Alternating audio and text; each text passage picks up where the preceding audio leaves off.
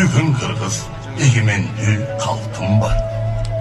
Өчпөйт кыргыз манас руху барын бишкектеги ала тоо аянтында өткөн майрамдык салтанатка бийлик өкүлдөрү мурдагы өкмөт башчылары ардагерлер дипломатиялык корпустун өкүлдөрү спортчулар жана коомдук саясий ишмерлер конок катары катышты майрамдык салтанат саат ондо расмий башталып аянтта сүйлөгөн президент сооронбай жээнбеков кыргызстандыктарды өлкөнүн эгемендүүлүк күнү менен куттуктады президент өз сөзүндө кыргызстан жыйырма жети жыл ичинде эл аралык коомчулукта эгемендүү өлкө катары таанылып жатканын бийлик адам укугу эркиндиги толук сакталган мамлекет курууга аракет кылып жатканын билдирди эл үчүн таза кызмат өтөө коррупциядан алыс болуу бийлик органдарынын маңызын аныктаган башкы максат. Бийликтин баардык бутактары дайыма элдин үнүн угуп коомдун талабын сезип турушу кыргызстанда да адаттагы эле көрүнүш болот. Мен бийлик системасындагы ушул өзгөрүүлөрдү камсыз кылам бул менин негизги милдетим.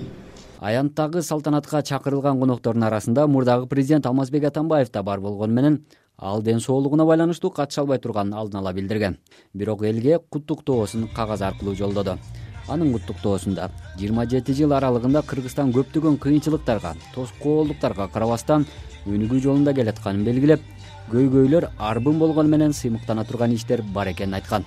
Бирок коомдук ишмер кемел ашыралиев буга чейинки бийлик жетекчилер өз саясий кызыкчылыктарына айнан кыргызстан жыйырма жети жыл алкагында экономикалык жактан алга секире алган жок деп кейийт кыргызстандын эгемендүүлүккө жетүү процессине түз катышкандардын бири ашыралиев эми гана өлкө түз жолго түшүүгө мүмкүнчүлүк бар экенин белгилөөдө. Мына ушуга чейин бизди башкарган адамдар кичине туура эмес болуп антип мынтип атабыз эми калыптанышыбыз керек.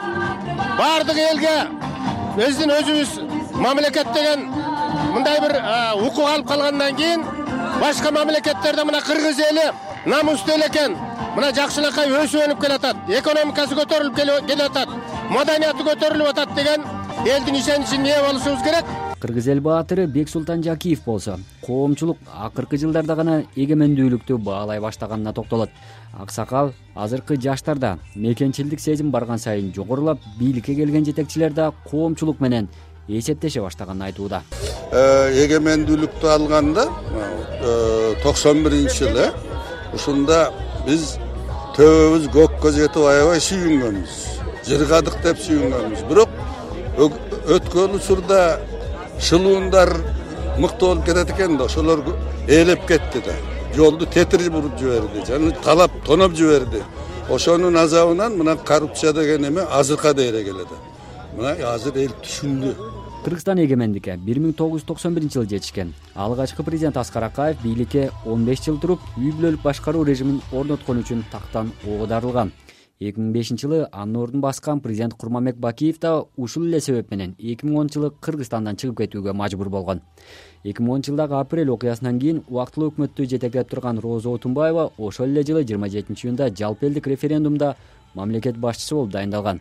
Отунбаева бир жылдан кийин президенттикте алмазбек атамбаевге өткөрүп берген. Атамбаевден кийин эки миң он жетинчи жылдын он бешинчи октябрында азыркы президент сооронбай жээнбеков шайланган эгемендүүлүк майрамына байланыштуу кыргызстандын баардык аймактарында расмий майрамдык иш чаралар белгиленди.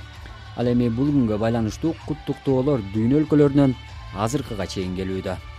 Самат жумакадыров азаттык